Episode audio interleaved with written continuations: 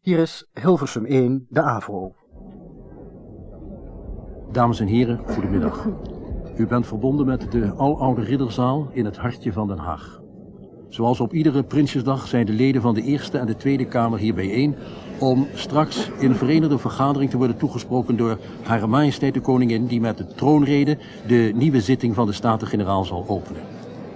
De leden van het kabinet en van de Raad van State zijn ook aanwezig, evenals ambassadeurs van vele vreemde mogendheden met hun dames. De indrukwekkende zaal is, zoals altijd op Prinsjesdag, prachtig met bloemen versierd, ditmaal overwegend roze en wit. Onder de televisielampen is het behoorlijk warm. Bovendien zijn ze zo schel dat het licht van de lampjes in de zeven grote ronde gietijzeren lichtkronen erbij verbleekt. Schuin onder me op het zogenaamde schafot tegenover de troon zit in het midden Eerste Kamervoorzitter Greven. U weet, de voorzitter van de Eerste Kamer heeft altijd de leiding van deze vergadering. Aan zijn rechterhand de griffier van de Eerste Kamer van Landschot en links van de voorzitter mevrouw Elisabeth Brederode, hier voor het eerst op Prinsjesdag in functie als de griffier van de Tweede Kamer. Ze is in stemmig zwart gekleed en, zo te zien, wel een beetje gespannen. Met zoveel honderden aanwezigen is het hier altijd weer een fleurig gezicht. Ik zie het vrouwelijke Kamerlid mevrouw Verbund in een vuurrood broekpak in het vak links van de troon zitten, in geanimeerd gesprek met haar buurman en wederconservatief Groen, en een paar rijen verder de oud-turnkampioene Truus Piquet met een enorme blauw strooien hoed. Inmiddels is buiten op het Binnenhof het Wilhelmus van de Marinierskapel te horen geweest en dit betekent dat de koningin hier bij de ridderzaal is gearriveerd. Maar dat is enorm merkwaardig. Terwijl alle aanwezigen hun plaats reeds hebben ingenomen, steekt daar ineens de schout Meesters in zijn prachtige buitenmodel marineuniform nog net even het gangpad over en strijkt neer op een lege plaats in het aangrenzende vak. Maar, dames en heren, daar is de koningin in een zeer flatteuze blauwgroene robe met bijbehorend hoedje. De koningin draagt de blauw met gouden sjerp van het Grootkruis van de Nederlandse Leeuw. Ze wordt binnengeleid door de voorzitter van de commissie van in- en uitgeleide, Tweede Kamervoorzitter van Ammerooy, die kennelijk weer helemaal van zijn recente ziekte is hersteld. Daarachter het Eerste Kamerlid mevrouw Inigo met de prins, gevolgd door de andere leden van het Koninklijk Huis. Het koninklijk gezelschap is nu naar de troon en de andere plaatsen geleid. En Hare Majesteit de Koningin heeft de tekst van de troonrede voor zich genomen.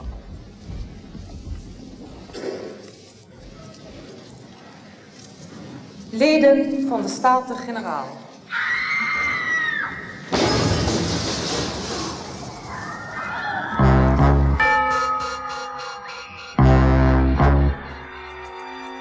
Moord in de Ridderzaal. Een hoorspelserie in vijf delen naar het boek van Theo Joekes in de bewerking van Dick van Putten. Regie Hero Muller.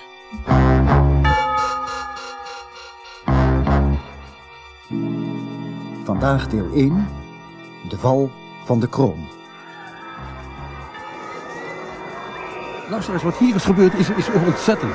Ik, ik, zal proberen om in deze heksenketel toch verstaanbaar te maken. Vanuit het plafond is door een of andere oorzaak een van de grote smeedijzeren kronen naar beneden gevallen en terechtgekomen op, op, op vak 2, waar een aantal leden van de Eerste en de Tweede Kamer had plaatsgenomen. De koningin zit als versteend van schrik de beide handen voor de mond geslagen. Het kan haast niet anders of er moeten slachtoffers zijn gevallen. Ik zal nu proberen om het door deze chaos heen te dringen om toch wat dichter bij de plek des onheils te komen.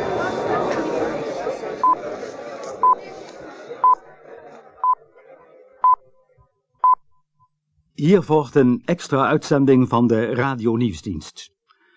De Rijksvoorlichtingsdienst heeft de namen vrijgegeven van de slachtoffers van het ongeluk in de Ridderzaal in Den Haag. Toen daar vanmiddag een zware lichtkroon naar beneden stortte, werden vier Kamerleden op slag gedood. Het waren meester Vergilius Modderman, 59 jaar, Tweede Kamerlid voor de Centrumpartij, Dr. Roelof van der Kamp, oud-minister van Wetenschappen en sinds enige jaren lid van de Tweede Kamer voor de Republikeinen, hij was 56 jaar. Wim Jager, lid van de Eerste Kamer voor de Centrumpartij, 57 jaar. Hij was tevens voorzitter van de FAB, de Federatie van Ambtenarenbonden, en Helene Verbunt Heinzius, een van de nieuwere conservatieve leden van de Tweede Kamer, 27 jaar. Twee leden van de Tweede Kamer zijn aan hun verwondingen overleden in een Haags ziekenhuis. Het gaat om Pieter Broers, lid voor de Centrumpartij, 34 jaar, en Margriet de Bruin, 60 jaar, oud-minister van Justitie, Tweede Kamerlid voor de Republikeinse Partij. Ook het hoofd van de Veiligheidsdienst van de Staten-Generaal Jan Mensink is aan zijn verwondingen bezweken. Over de toestand van de overige gewonden valt nog weinig te zeggen. Tot zover deze extra nieuwsuitzending. Mijn lieve kind, ik heb je hulp nodig. Oeh, oppassen. Als u me lieve kind noemt, hebt u meestal een min of meer onaangenaam werkje voor me. Je weet dat ik met Loopuit heb getelefoneerd. Als minister van Justitie was hij het met me eens dat het onderzoek niet uitsluitend door de Rijksrecherche kan worden uitgevoerd. Het onderzoek? Lieve kind, vanmiddag zijn in de ridderzaal vier of meer mensen om het leven gekomen. Naar de oorzaak zal toch een onderzoek moeten worden ingesteld? Ja, president. Dat ben ik met u eens. Wel nu, minister Loopuit heeft inmiddels gezorgd dat de beste man van de Rijksrecherche in ons district ter beschikking wordt gesteld. Hij krijgt voorlopig een paar assistenten toegewezen voor het loop- en belwerk. Maar het presidium, in overleg met het seniorenconvent van de Eerste Kamer, vindt het noodzakelijk dat een hoge ambtenaar van de Staten-Generaal van meet af aan bij het onderzoek betrokken wordt. En een hogere ambtenaar dan de griffier is er niet. Ik zie de bui aankomen. Juist. Het presidium heeft met eenparigheid van stemmen besloten jou te vragen inspecteur Hendricks in zijn onderzoek bij te staan. Hendricks? Hij is de inspecteur die door Loopuit werd genoemd. Een hoogstaand mens en een politieman van grote ervaring. Is het een verzoek of een opdracht? Tja, we kunnen je natuurlijk niet dwingen. Maar wij dachten allemaal, je bent ervaren, onpartijdig, in het vak doorkneed en, als ik het zeggen mag, intelligent. U mag het zeggen, president. En ik voel me gevleid. Maar voor justitieel onderzoek ben ik nooit opgeleid. Niettemin, een onderzoek is noodzakelijk. Dat zie ik wel in. En daarom accepteer ik uw verzoek. Daar ben ik je erkentelijk voor. Er zijn wel een paar dingen die ik als eigenaardig heb ervaren. En nu ik officieel ben ingeschakeld, ga ik er meteen achterheen. U moet mij excuseren. Ik moet even naar de zaal. De zaal? Maar de Kamer vergadert toch niet? De ridderzaal. Ik heb het gevoel dat er haast bij is. Ik ben over vijf minuten terug. En dan zal ik u zeggen... Ah, u bent juffrouw Bavink, niet? Een van de gidsen van de Tweede Kamer. Ja, mevrouw. Ellen Bavink. Was je van plan weg te gaan? Ja, mevrouw. Het is over half vier. Wees zo goed een paar minuten op me te wachten. Maar ik voel me niet lekker. Ik ben helemaal in de war van Jans dood. Ik, ik wilde net naar huis gaan. Ja, denk je dat ik me lekker voel met een heel stel leden dood? Je blijft hier tot ik terug ben. En dat is een uitdrukkelijke opdracht. Waarom ga je niet even op een rij stoelen liggen?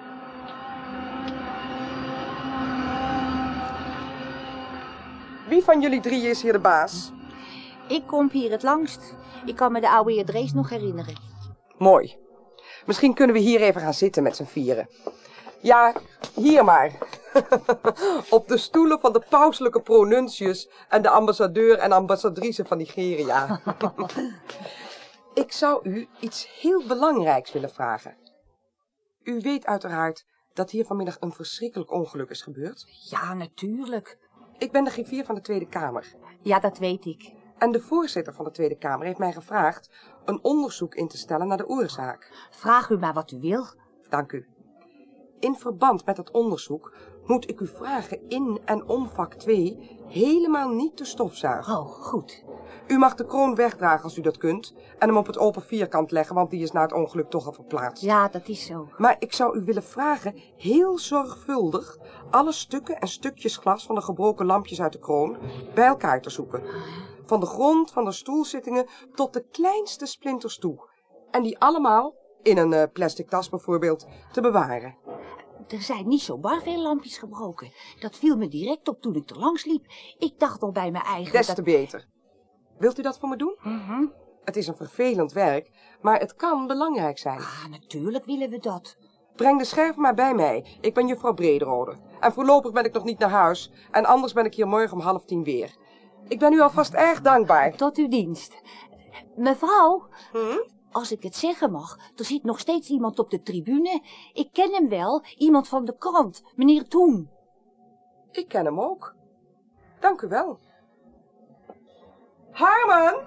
Ja, ik kom. Nee, nee, je hoeft niet naar beneden te komen. Ik kom wel even naar jou toe. Een ogenblikje, ik ben zo bij je. Hallo. Ik stel voor dat we de plichtplegingen en de verbaasde vragen overslaan. Je zit hier geen vliegen te vangen. Wat doet de parlementair redacteur van de Standaard Harmen het Hoen op dit uur hier? Heb je iets gezien? Een heleboel menselijks. Maar één ding kan ik niet verklaren.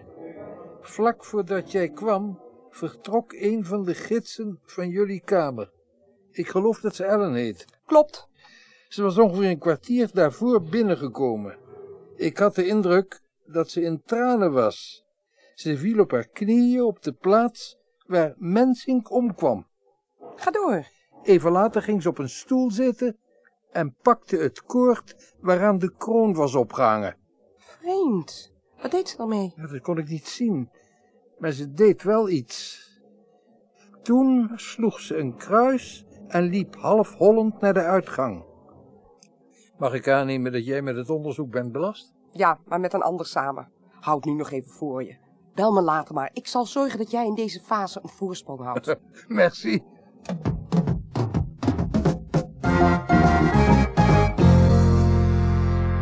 Inspecteur Hendricks van de Rijksrecherche. En dit is juffrouw Brederode. Aangenaam, juffrouw Brederode. Kom, Hendricks. Hoe maakt u het? Kind, je bent door. Nou, Ja, het regent behoorlijk. Sorry hoor. Ik was er zo ontzettend verkouden. En ik ben even de ridderzaal geweest, zoals u weet. Ik denk dat ik om een arrestatiebevel zou willen vragen. U zit er wel vaart achter, hè? Hoezo? Nou, we zijn met een ongeluk bezig, niet met een misdrijf. Bent u daar zeker van? Niets is zeker op deze wereld, maar u wilt toch niet suggereren dat... Ik heb begrepen, president, dat ons onderzoek zich uitstrekt tot alle mogelijke oorzaken van het eh, voorval dat zich vanmiddag in de ridderzaal heeft afgespeeld. ja, ja, dat is zo. Dan Eh, maar hoort laten daar- we eerst gaan zitten, laten we eerst gaan zitten. Ja, maar Elisabeth, kom. dan hoort daar ook een misdrijf toe. Wij kunnen alleen tot een hechtenisneming overgaan bij verdenking van een ernstig misdrijf. Zo is dat. Artikel 67 van het wetboek van strafvordering, als ik mij niet vergis. En terwijl de Senaat delibereerde, ging Rome ten onder. Ik heb zojuist in de zaal een getuigenverklaring ontvangen van iemand die gezien heeft dat een lid van de staf van Mensink met een deel van de gevallen kroon zat te knoeien. Oh ja? Welk deel? Het koord waaraan de kroon was opgehangen. En wat deed hij daarmee dan? Het was een zij. Een van de gidsen. Mijn getuige kon niet zien wat ze deed.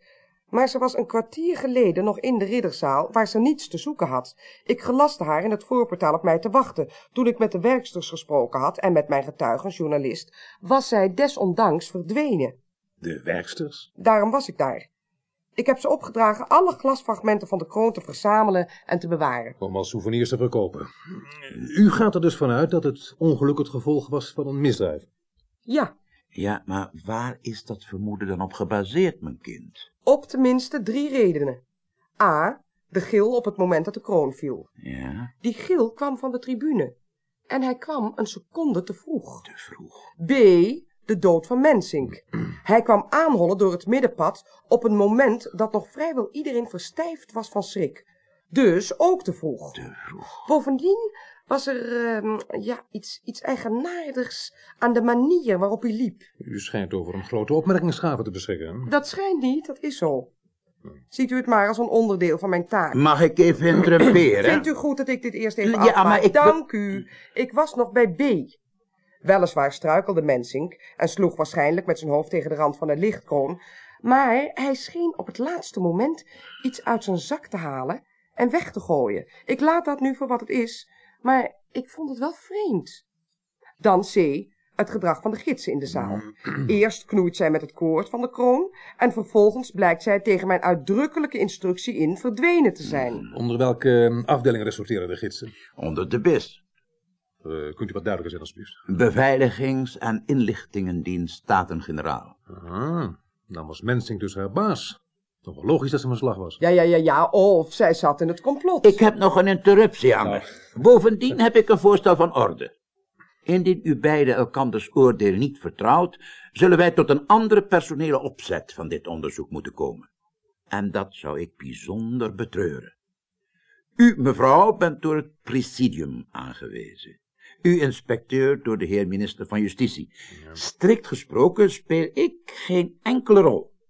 Mijn voorstel is dat de inspecteur zich mentaal concentreert op de ongevaltheorie en mevrouw Brederode op de misdrijftheorie. Mhm. En dat u daarbij elkaar steunt en elkaars geloofwaardigheid niet op voorhand in twijfel trekt. Met andere woorden, voor elkaars veronderstellingen openstaan. Maar, maar nee, is... nu wil ik mijn eerder afgewezen interruptie helemaal kwijt. Mevrouw Brederode heeft tenminste twee gebeurtenissen in het geding gebracht. De schreeuw in de ridderzaal Mhm. en het gedrag van Mensink. De televisie heeft niet alleen de gewoonte plechtigheden als vanmiddag rechtstreeks uit te zenden, maar ze tevens vast te leggen. Ja. Ik raad u aan de betreffende beeldbanden op te vragen om ze af te spelen. Zij zouden meer helderheid kunnen verschaffen. Ja, ik zal de videotapes vanmiddag nog laten opvragen, plus afspeelapparatuur. En dan heb ik ook een eh, voorstel van orde, zoals u dat noemt. U bent, als ik het zeggen mag, een goede voorzitter. Dank u, dank u. Eh, juffrouw Brederode en ik moeten nog even aan elkaar wennen, maar ik geloof dat haar kennis van zaken en mijn ervaring elkaar goed kunnen aanvullen. En daar ben ik het helemaal mee eens. En ik ben natuurlijk bereid de mogelijkheid van misdaad in mijn overweging mee te betrekken. En ik moet zeggen dat ik wel enigszins onder de indruk ben gekomen van het A, B en C van juffrouw Brederode. Zo, dat gaat de goede kant uit. Maar ik heb nog geen voorstel van orde van Nee, gehoord. maar dat doe ik dan nu. Ik geloof dat het onderzoek soepeler zou verlopen als u erbij betrokken bleef. Hm? Formeel kan dat waarschijnlijk niet, maar ik Nee. moet toch zien dat iemand er bezwaar tegen zou maken dat wij eh, contact met u onderhouden. Eh, Elisabeth? Geen bezwaar. Integendeel. Eh, Dan is al dus besloten. Heel mooi. De inspecteur heeft gelijk. Eigenlijk kan het helemaal niet. Maar het lijkt mij efficiënter. Ja, zeker. Wij zullen het in elk geval niet publiek maken. Goed, mag ik dan van u allereerst de personalia van het meisje Ellen Bavink? Dan zal ik haar zo snel mogelijk laten aanhouden en voorgeleiden.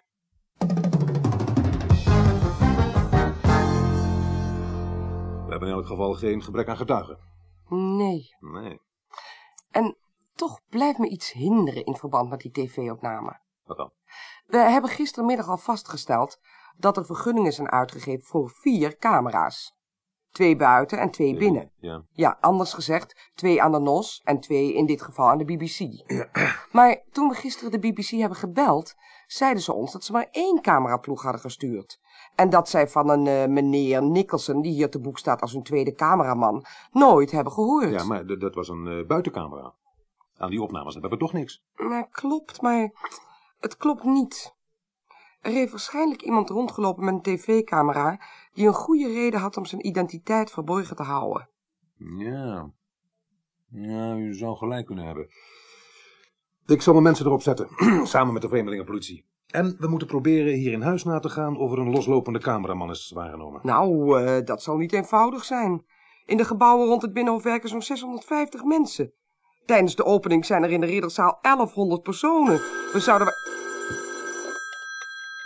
Ja? Ja, die is hier. Over mij? Een ogenblik, ja. Ja. Ja, dankjewel. Ja, Hendricks hier. Ja. Mooi. Vliegveld Rotterdam. M- met een ticket voor Londen. Ha, goed werk. Ja, breng hem meteen maar hier. Tweede Kamer, Kamer 23. Goed, tot over een half uur. Ze hebben Ellen dus te pakken. Ja. Het spijt me dat ik het zeggen moet, maar een vluchtpoging lijkt mij nooit zo'n sterk bod. Hebt u zin in koffie? Nou en of. Ik zeg het maar meteen, ik ben aan de koffie zoals andere mensen aan de drank zijn. Morgen. Ah, morgen. Dag meneer Van Hoorn. Kun je hier eh, redelijk werken? Oh, ja hoor. Het was het enige vertrek dat ik los kon krijgen. Mm, gaat het wel een beetje? Uitstekend. De koffie is onderweg. Het meisje Ellen is opgespoord en ook onderweg. Voortreffelijk. Elisabeth, gisteravond nog is er een bespreking geweest tussen de minister-president, de directeur van het kabinet des Konings, de voorzitter van de Eerste Kamer en mij als voorzitter van de Tweede Kamer. Er is door de gebeurtenissen een ernstige situatie ontstaan. Tja, Ja, natuurlijk. er is inbreuk gemaakt op de grondwet. Een aantal Mhm. handelingen die verricht hadden moeten worden, zijn niet verricht. De opening van de Staten-Generaal. Precies. En wij zijn overeengekomen dat over een week, dus op de vierde dinsdag in september, het staatshoofd de troonrede alsnog zal voorlezen in de ridderzaal. Maar ditmaal een sobere plechtigheid. Geen gouden koets, geen escorte, geen erewacht enzovoort. In de tussenliggende tijd zullen beide kamers niet vergaderen. Ah. ja, dat komt voor jou dus gunstig uit, hè? Ja, ja, zeker, zeker. Overigens, Hare Majesteit heeft bij de minister-president laten informeren wanneer het onderzoek begint. Ik heb hem vanzelfsprekend op de hoogte gebracht. Nou, en hebben jullie verder nog vorderingen gemaakt? We hebben de videotapes van de NOS nog een keer doorgenomen. En ik moet zeggen, juffrouw Brederode had volkomen gelijk. Dank u. De gil kwam een seconde te vroeg. En Te vroeg. Mensink liep raar. Hij holde namelijk met de rechterhand in zijn broekzak. En dat doet geen mens. Nee, dat zou ik ook niet doen. Nee, dat is een beetje vreemd. Ja? Goedemorgen, Ah, mevrouw. Heren. Goedemorgen. goedemorgen mevrouw Spits. Mevrouw. Komt u verder? Ik heb de scherven, mevrouw. Ah, dank u. Alsjeblieft. We hebben er heel wat mee te stellen gehad. Vooral in het tapijt onder de stoelen. Mijn collegaatje heeft zich nog gesneden. Ach, Maar nou kan niemand zich meer bezeren, hoor. Nou, hartelijk bedankt hoor. Uw collega moet goed oppassen dat ze geen infectie krijgt. En wilt u de anderen ook bedanken? Ja, dat zal ik doen, mevrouw. Goedemorgen mevrouw Spits. Goedemorgen. Goedemorgen hoor. Hoe weet jij eigenlijk dat dat mens Spits heet? Nagekeken in het smoelenboekje van de Tweede Kamer. Ah, slim van je. Ja, Eh, zeg, hebben jullie de ochtendkrant al gezien? ja. Nee, ik kan nooit lezen voor ik koffie heb gehad. Hier. Den Haag, 16 september. Het onderzoek naar de oorzaak en achtergronden van de ramp in de Ridderzaal, waarbij gisteren zes leden van de Eerste en Tweede Kamer om het leven kwamen en enig anderen werden gewond, wordt geleid door mejuffrouw meester E. Brederode, griffier van de Tweede Kamer, en C. Hendricks, inspecteur van de Rijksrecherche. Gezien de veelheid van elementen die bij het gebeuren een rol gespeeld kunnen hebben, denken de onderzoekers nog vrij geruime tijd nodig te zullen hebben voor zij hun onderzoek hebben afgerond. Nou, wat zeggen jullie me daarop? Nou, dat moet de standaard zijn. Het bericht is van mij. Wat? Van jou? Het feit dat er een onderzoek is, komt toch naar buiten. De man van de standaard, Harmen het Hoen, heeft ons gisteren een aanzienlijke dienst bewezen. Ik heb hem gisteravond laat opgebeld en ik vind dit een redelijke tegenprestatie. Wij moeten onze mededelingen aan de pers coördineren. Het departement van Justitie is er per slot ook bij betrokken. Natuurlijk, zo moet het. Ik geloof dat we nu een schone lei hebben. Ik maak geen excuses, maar ik zal in het vervolg alle mededelingen aan de pers in collegiaal verband laten uitgaan. Dat is dan afgesproken. Dan zullen we deze kwestie verder laten rusten. Ja, Ja, Ah! ik zou eigenlijk... daar is Kareltje met de koffie. Nou, zal tijd worden. Nou, zit er niet in. Bedankt hoor. Ik zou eigenlijk die opname uit de ridderzaal ook wel eens willen zien. Ik ben vooral benieuwd wie er vlak in de buurt van de lichtkroon zaten. Ja, maar eh, iedereen heeft toch een, eh, een vaste plaats. Oh, nee. Nee, zeker niet. Van de acht vakken zijn er vier volledig, genummerd van Romeins 1 tot en met 4. Ja. Op zijn toegangskaart vindt een lid alleen zijn vaknummer. En in dat vak neemt hij de plaats in die hem het beste uitkomt. Zo. De grootste ijdeltuiten gaan altijd vooraan Oh, zitten. Eerste Zit rij. Ja, televisie. Met, met, Ja, met het op de televisie. Ja. Jongen, jongen, dat Ja? nooit op. eh. Ja, goed. Eh, laat ze maar even wachten, wilt u? Eh, de wachtkamer op twee. Een heer en een dame u, voor u, meneer Ja, Hendricks. dat klopt. Hm, Dan zal ik jullie niet verder storen. Ik kijk wel een andere keer. Eh, Wie zijn die heer en die dame trouwens? Het meisje Ellen Bavink en een rechercheur. Hm, Dan hoor ik daar later wel meer van jullie over. Ik loop met u mee om ze op te halen, meneer Hendricks. Zo. Gaat u daar maar zitten, juffrouw Bavink. Ik ben inspecteur Hendricks. En wilt u daar plaatsnemen, meneer eh, Van Dam? Zo, ja. Goed, één opmerking vooraf. Voor wij u een paar dingen vragen, moet ik u erop wijzen dat u niet hoeft te antwoorden. Maar wanneer u wel antwoordt, dan wordt dat opgeschreven en vastgelegd. Dit is dus een verhoor. Eh, Wel nee, kind. Dit is alleen maar een getuigenverklaring om de feiten vast te stellen. Er is niks aan de hand. Je moet ons gewoon vertellen wat je weet. Uw antwoorden worden vastgelegd in een zogenaamd proces verbaal. Dat krijgt u te zien. Ja, maar... Ja, en u kunt er nog van alles in veranderen wat u wilt. Duidelijk? Ja. Mooi. Goed. Ehm Ellen, ATHM Baving, geboren 5 december 1955 in Venlo, vader chirurg. Drie jaar in dienst van de Kamer, aanvankelijk als gidsen, maar na het opheffen van die afdeling overgeheveld naar de afdeling van de heer Mensink, met behoud van hetzelfde soort werk. Kende u Mensing goed? Nogal. Jullie hadden een verhouding, hè? Hij was getrouwd. Dat vroeg ik niet. Ik vroeg of jullie een verhouding hadden. Ja. Nou, het, het is wel duidelijk. Kalm nou maar. U, u bent een paar uur na de ramp op Prinsjesdag in de Ridderzaal aangetroffen, terwijl u, blijkens een getuigenverklaring, knoeide met het uiteinde van het koord van de gevallen kroon. Wat deed u daar precies en waarom? Dat is niet waar. We ontmoetten elkaar in het portaal terwijl zij binnenkwam en ik net wegging. Ik was daar de enige niet. Nee, een stelletje werksters in de diplomatenhoek. Die letten niet op. Daar heb je dus zelf op gelet. En de bloemisten die daar bezig waren? Die ook niet. Nou, geen kat-en-muisspelletjes. Op de tribune zat een journalist. Die heeft gezien dat u iets deed met het uiteinde van dat koord. Wat deed u? Ik, ik kwam om voor Jan te bidden. Je kunt van iemand houden zonder met hem naar bed te gaan. Toen ik daar geknield lag, zag ik ineens iets dat ik als aandenken kon meenemen, zonder echt te stelen. Het gerafelde uiteinde van het koord. Met mijn nagelschaartje heb ik de rafels eraf geknipt en meegenomen. Al- Als aandenken. Hmm. Mag ik ze even zien? Eh, dat, dat spijt me, ik heb ze weggegooid.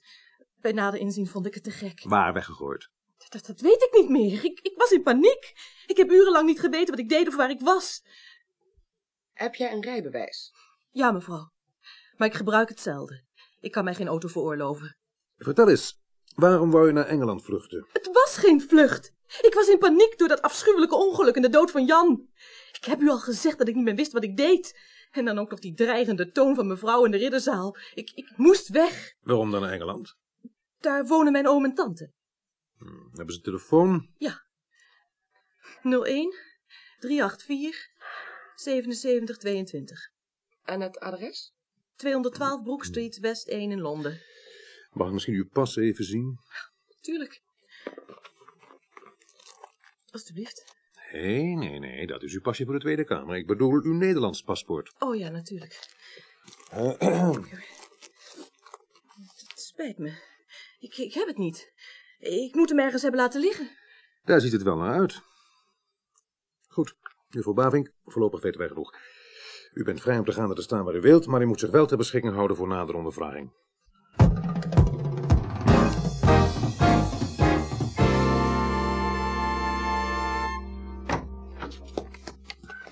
Morgen, meneer Hendricks. Morgen. U bent toch ook al vroeg? Oh, mijn dag begint al om half zeven, dus eh, kan ik hier tijdig zijn. Ah.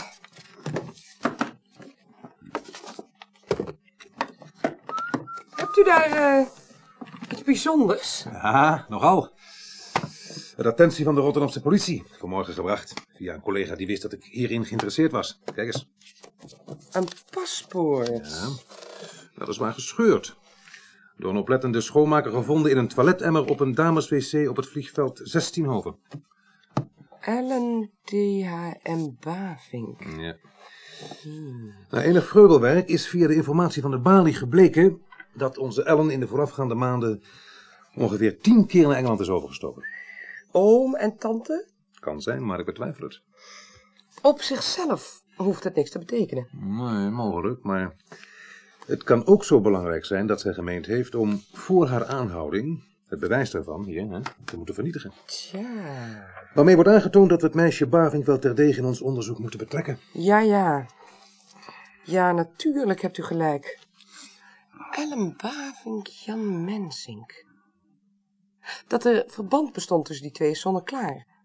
Maar in hoeverre is dat van belang voor ons? Kende u Mensink eigenlijk goed? Nee. Functioneel hadden we vrijwel niets met elkaar te maken. Ja, ik, ik vond het ook geen aardige man. Vrijwel niet. Toevallig zijn we tijdens het zomerreces allebei in Suriname geweest. Ik was als griffier toegevoegd aan een parlementaire delegatie. En hij als veiligheidsman. Ja, ja. Overigens heb ik ook in Paramaribo geen honderd woorden met hem gewisseld. Nee, en gedroeg hij zich normaal? Ja, normaal. Ik, ik, ik vind het tamelijk moeilijk om vast te stellen wat daar voor de norm is. Nee, mag ik even? Ja, tuurlijk. Ja, hallo, morgen. Mogen we wat koffie op kamer 23? Ja, bedankt hoor.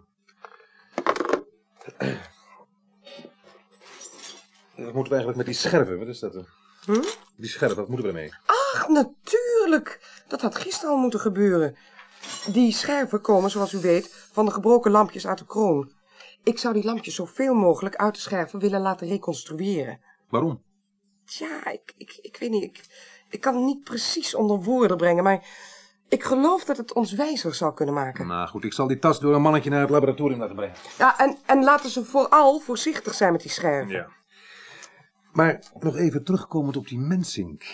Hm? Hoofd van de beveiligingsdienst van de Staten-Generaal. Een belangrijke functie. Ja, tuurlijk. Is daar inmiddels al in voorzien? Maar ni- niet dat ik weet. Maar het ligt voor de hand dat het eh, waarnemend hoofd Jan de Heer in zijn plaats wordt benoemd. Ze, ik bedenk mij net dat aan het gedrag van Mensink in Suriname mij één ding is opgevallen. En dat is? Vrijwel iedere avond maakte hij zich los van de delegatie. Mhm. Het bleek dat hij de stad inging naar de Rosse buurt. Afgezien van de vraag of hij daar geld voor had en zin in had, trof het mij als een niet bijzonder passend tijdverdrijf voor iemand die er uitsluitend was om op de veiligheid van de delegatie te letten. Hij was u dus in elk geval niet eh, erg sympathiek. Nee, nee, dat, dat durf ik met een gerust hart te zeggen. Niet sympathiek. Over wie hebben jullie het eigenlijk? Over Mensink. Oh, ik ken hem te oppervlakkig om een oordeel over hem te vellen. Daarvoor weet ik te weinig van hem af. Een rokkenjager heb ik wel eens Ja. gehoord, ja, ja. Wie heeft hem ongelijk, hè? Heeft niemand ook iets mee te maken? Oh, ik heb u nog eens goedemorgen gewenst. Goedemorgen. Goedemorgen. Goedemorgen. Ik denk dat het zin zou hebben zo vlug mogelijk na te gaan wat de achtergronden van de slachtoffers zijn. Mhm. Ik geef toe dat die suggestie uitgaat van de misdrijftheorie, maar daar raak ik met het uur vaster van overtuigd. Eh, ik ben er niet op tegen, maar voor de zuiverheid van dit onderzoek zou ik erop willen wijzen dat een eventueel misdrijf van dit karakter tenminste twee motieven gehad kan hebben. Ja, het zou immers niet alleen individueel, maar ook collectief gericht kunnen zijn. Hoezo? Ja, ja. Nou, wat ik bedoel is dit. Het kan erop gericht zijn geweest het parlement als geheel te treffen, plus de regering en zelfs het koninklijk huis, door juist op deze hoogtijdag de plechtigheid te verstoren, door onder meer een aantal leden om te brengen. Ja. Maar het kan natuurlijk ook de bedoeling zijn geweest één bepaald lid om zeep te brengen. Ja. Juist onder de dekmantel van een meer algemeen optreden. Dat lijkt me een schrandere analyse. Ja, ik, ik, vecht, ik vecht dat niet aan. Nee. Het is mogelijk. Hmm. Ik geloof alleen wel dat het verstoren van de plechtigheid minstens zo effectief had kunnen gebeuren. Door eh, rook en stinkbommen bijvoorbeeld. Zonder mensenlevens in gevaar te brengen. Kijk, mensen die een plechtigheid verstoren, die hebben daarmee een politiek-maatschappelijk doel. Ja. En een dergelijke actie heeft geen zin als ze niet in de openbaarheid treden en de verantwoordelijkheid opeisen. Nou, en daar hebben we niets van Daar heb gemerkt. je volkomen gelijk in. Dat is waar. Hm? Ja? Oh, oh, de koffie. Kijk eens. Ah, Komt een kadeltje. Morgen. morgen. Oh, Kaartje, hoe is het met het zere been van je vrouw? Oh, gaat goed, meneer. Ja, gelukkig. Bedankt, hè? Goedemorgen. Morgen. Eh, wat de slachtoffers aangaat, treft mij de naam Margriete Bruin in het bijzonder. Was er in het verleden niet iets met haar aan de hand? Ik weet het niet. Wat Mm, is- Dat klopt, ja, ja, ja. Een aantal jaar geleden heeft zij moeten aftreden als minister van Justitie vanwege haar omstreden oorlogsverleden. Ja, zoiets wel. Naar aanleiding van bepaalde gegevens van het RIOT werd toen besloten een parlementaire enquête in te stellen. Maar dat onderzoek werd een flop. Tja. Vandaar dat zij later wel kon terugkeren in de Staten-Generaal. Ja, nu herinner ik me weer vaag. Ehm, als het niet te veel moeite is, eh, zou ik straks na de koffie ook eens een kijkje willen nemen in de ridderzaal. Mm, Ja, natuurlijk. Het is overigens stinkweer, hoor. Oh. Een gure, harde wind en regen. Maar het is vlakbij. We zijn er zo. Prima. De kroon ligt er nog. Het ziet er wel een beetje mistroostig uit in het halfduister. Ja, de rondleidingen zijn voorlopig gestaakt. De lampen branden dus niet. En door die gebrandschilderde ramen komt niet veel licht naar binnen. Nee. Dit zijn dus de vakken voor de leden van de Staten-Generaal. Ja. Twee aan weerszijden voor de troon. Precies. En volgens de grondwet van 1815, nu artikel 118, nemen de leden naar willekeur door elkander plaats. De enige plaats die ik nog zou kunnen begeren zou de troon zijn. leden van de Staten-Generaal. Mooi. Heel fijn. Misschien zou ik het best gekund hebben. Maar ja, voorzitter is ook een eerzaam beroep. Wat is dat toch voor gefluiter? Het is de wind. Maar het is me in al die jaren nog niet opgevallen. Tocht als de hel. Ja, ik kan niet horen waar het vandaan komt. Mijn linkeroor is praktisch doof, daarom is mijn rechter zo scherp. Dan zal het uit het zuiden komen, van rechts dus. Van ergens daarboven. Gek dat we dinsdag niks van gemerkt hebben. Nee. Nee, aan die eh, grote zijramen is niks te zien. Kijk, het glas in loodruitje van het derde koekoekraam. Er zit een gat in. Ja, ik zie het. Zo'n eh 2 bij 4 centimeter, schat ik. Nou, ik heb het hier wel gezien. Laten we de zaak maar vrijgeven. Die meisjes van de rondleiding moeten ook in boterham Liever nog niet. Ik zou eerst graag die eh, uitslag van die scherventest willen hebben. Ja, ja, natuurlijk. Hendricks, laat de tent voorlopig maar dicht. Zo u wilt. Eh, zodra we terug zijn, zou ik graag een opgave willen hebben van alle mensen die in vak 2 hebben gezeten. Die hebben we niet. Niet? Kijk, dat zit zo. De opening vindt plaats in een verenigde vergadering. Die wordt voorgezeten door mijn collega van de overzijde, de Eerste Kamer. Ja. De organisatie binnen de ridderzaal is daarom vanouds ook in handen van de griffie van de Eerste Kamer. Wat betreft de kaarten en zo hebben die de bijzonderheden. En wie is de griffier van de Eerste Kamer? Meester J. Jeroen van Landschot. Nou, is dat ver? Nee, maar laten we toch maar eerst teruggaan. We kunnen daar niet zomaar binnenvallen. De verhouding tussen de beide kamers. Vereist een delicate, althans formele aanpak. Als we terug zijn, zal ik hem eerst even bellen. Zullen we gaan? Ja. Ja, ik.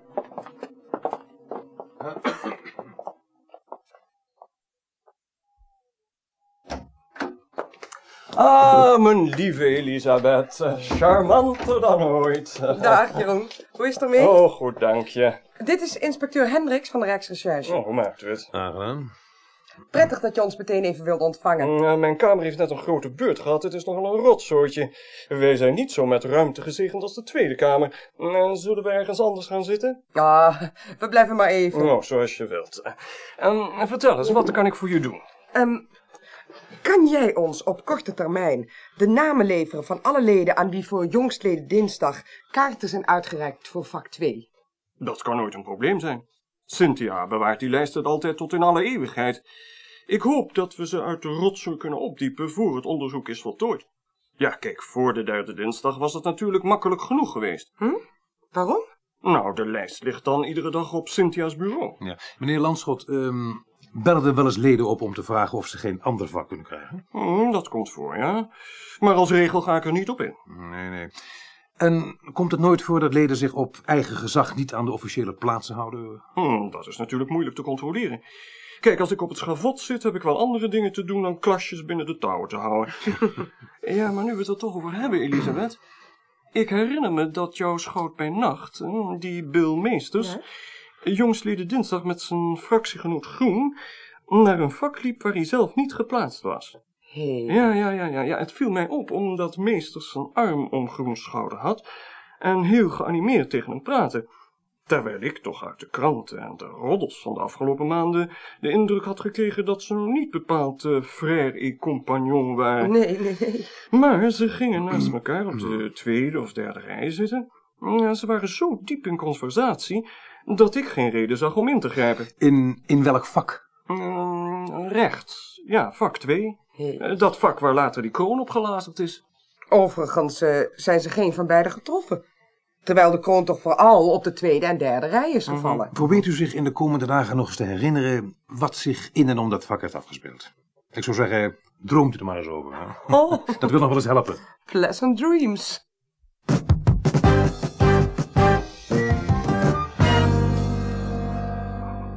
Ik heb bericht van het laboratorium dat zij niet in staat zijn de lampjes uit de kroon te reconstrueren. Oh, Daarvoor is de gemiddelde glasprinter te klein, dus De kleinste, veel te klein. Ja, maar, maar het gaat mij niet zozeer om de formele reconstructie van de individuele lampjes, maar om de totale hoeveelheid glas die in vak 2 terecht is gekomen. Hmm.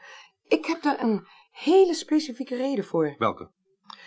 Ik vraag me af of het niet mogelijk zou zijn het totale oppervlak van de gevonden scherven te meten, plus het oppervlak van de scherven die in de gebroken lampjes zijn blijven zitten. Aha. Die hebben de mensen van het laboratorium ook meegenomen. Dat is waar, ja. En om dat totaal te vergelijken met het oppervlak van de gezamenlijke gebroken lampjes in hun oorspronkelijke staat. Juist, ja. Zo'n meting zou toch in theorie mogelijk moeten zijn, president? Nou zeg, als hoogleraar in Delft heb ik zo'n twintig jaar geleden nog wel andere metingen uitgevoerd. Ja, je hebt er natuurlijk apparatuur voor nodig. Ze hadden er trouwens nog een hele vreemde boodschap bij. Oh ja? Wat dan? Ja, ze hebben een scherf aangetroffen die weliswaar kennelijk van een gloeilamp afkomstig is, maar waarvan de curvatuur niet overeenstemt met die van de lampjes in de kroon. Hè? Ja, minder duur gezegd is het dit. Die scherf was te groot en te licht gebogen om te kunnen passen in het profiel van zo'n klein luchtlampje. Juist. Waar is die scherf nu? Nou, zal nog wel op het lab zijn, denk ik. Eh, Dan moeten we eerst nagaan of er nog andere armaturen met andere gloeilampen in de ridderzaal zijn. Mhm. Ik ben er vrijwel zeker van dat dat niet het geval is. Maar we zouden natuurlijk moeten kijken. Ja, ik. Ik zou die scherf in het laboratorium toch wel willen zien. Huh? Ik geloof namelijk dat ik er iets van begrijp. Nog niet alles, maar wel iets. Waar is dat laboratorium? Ah, nee, mijn lieve kind. Is het nou echt nodig? Het is vier uur. De Haagse politie kan u wel even naar het laboratorium. Ja, maar ik heb trek in een whisky. We moesten voor vandaag maar een punt achter zetten, hè? Goed, in dat geval stel ik voor dat wij samen eerst in de ridderzaal gaan kijken en dan breng ik u wel naar het lab. Heel graag.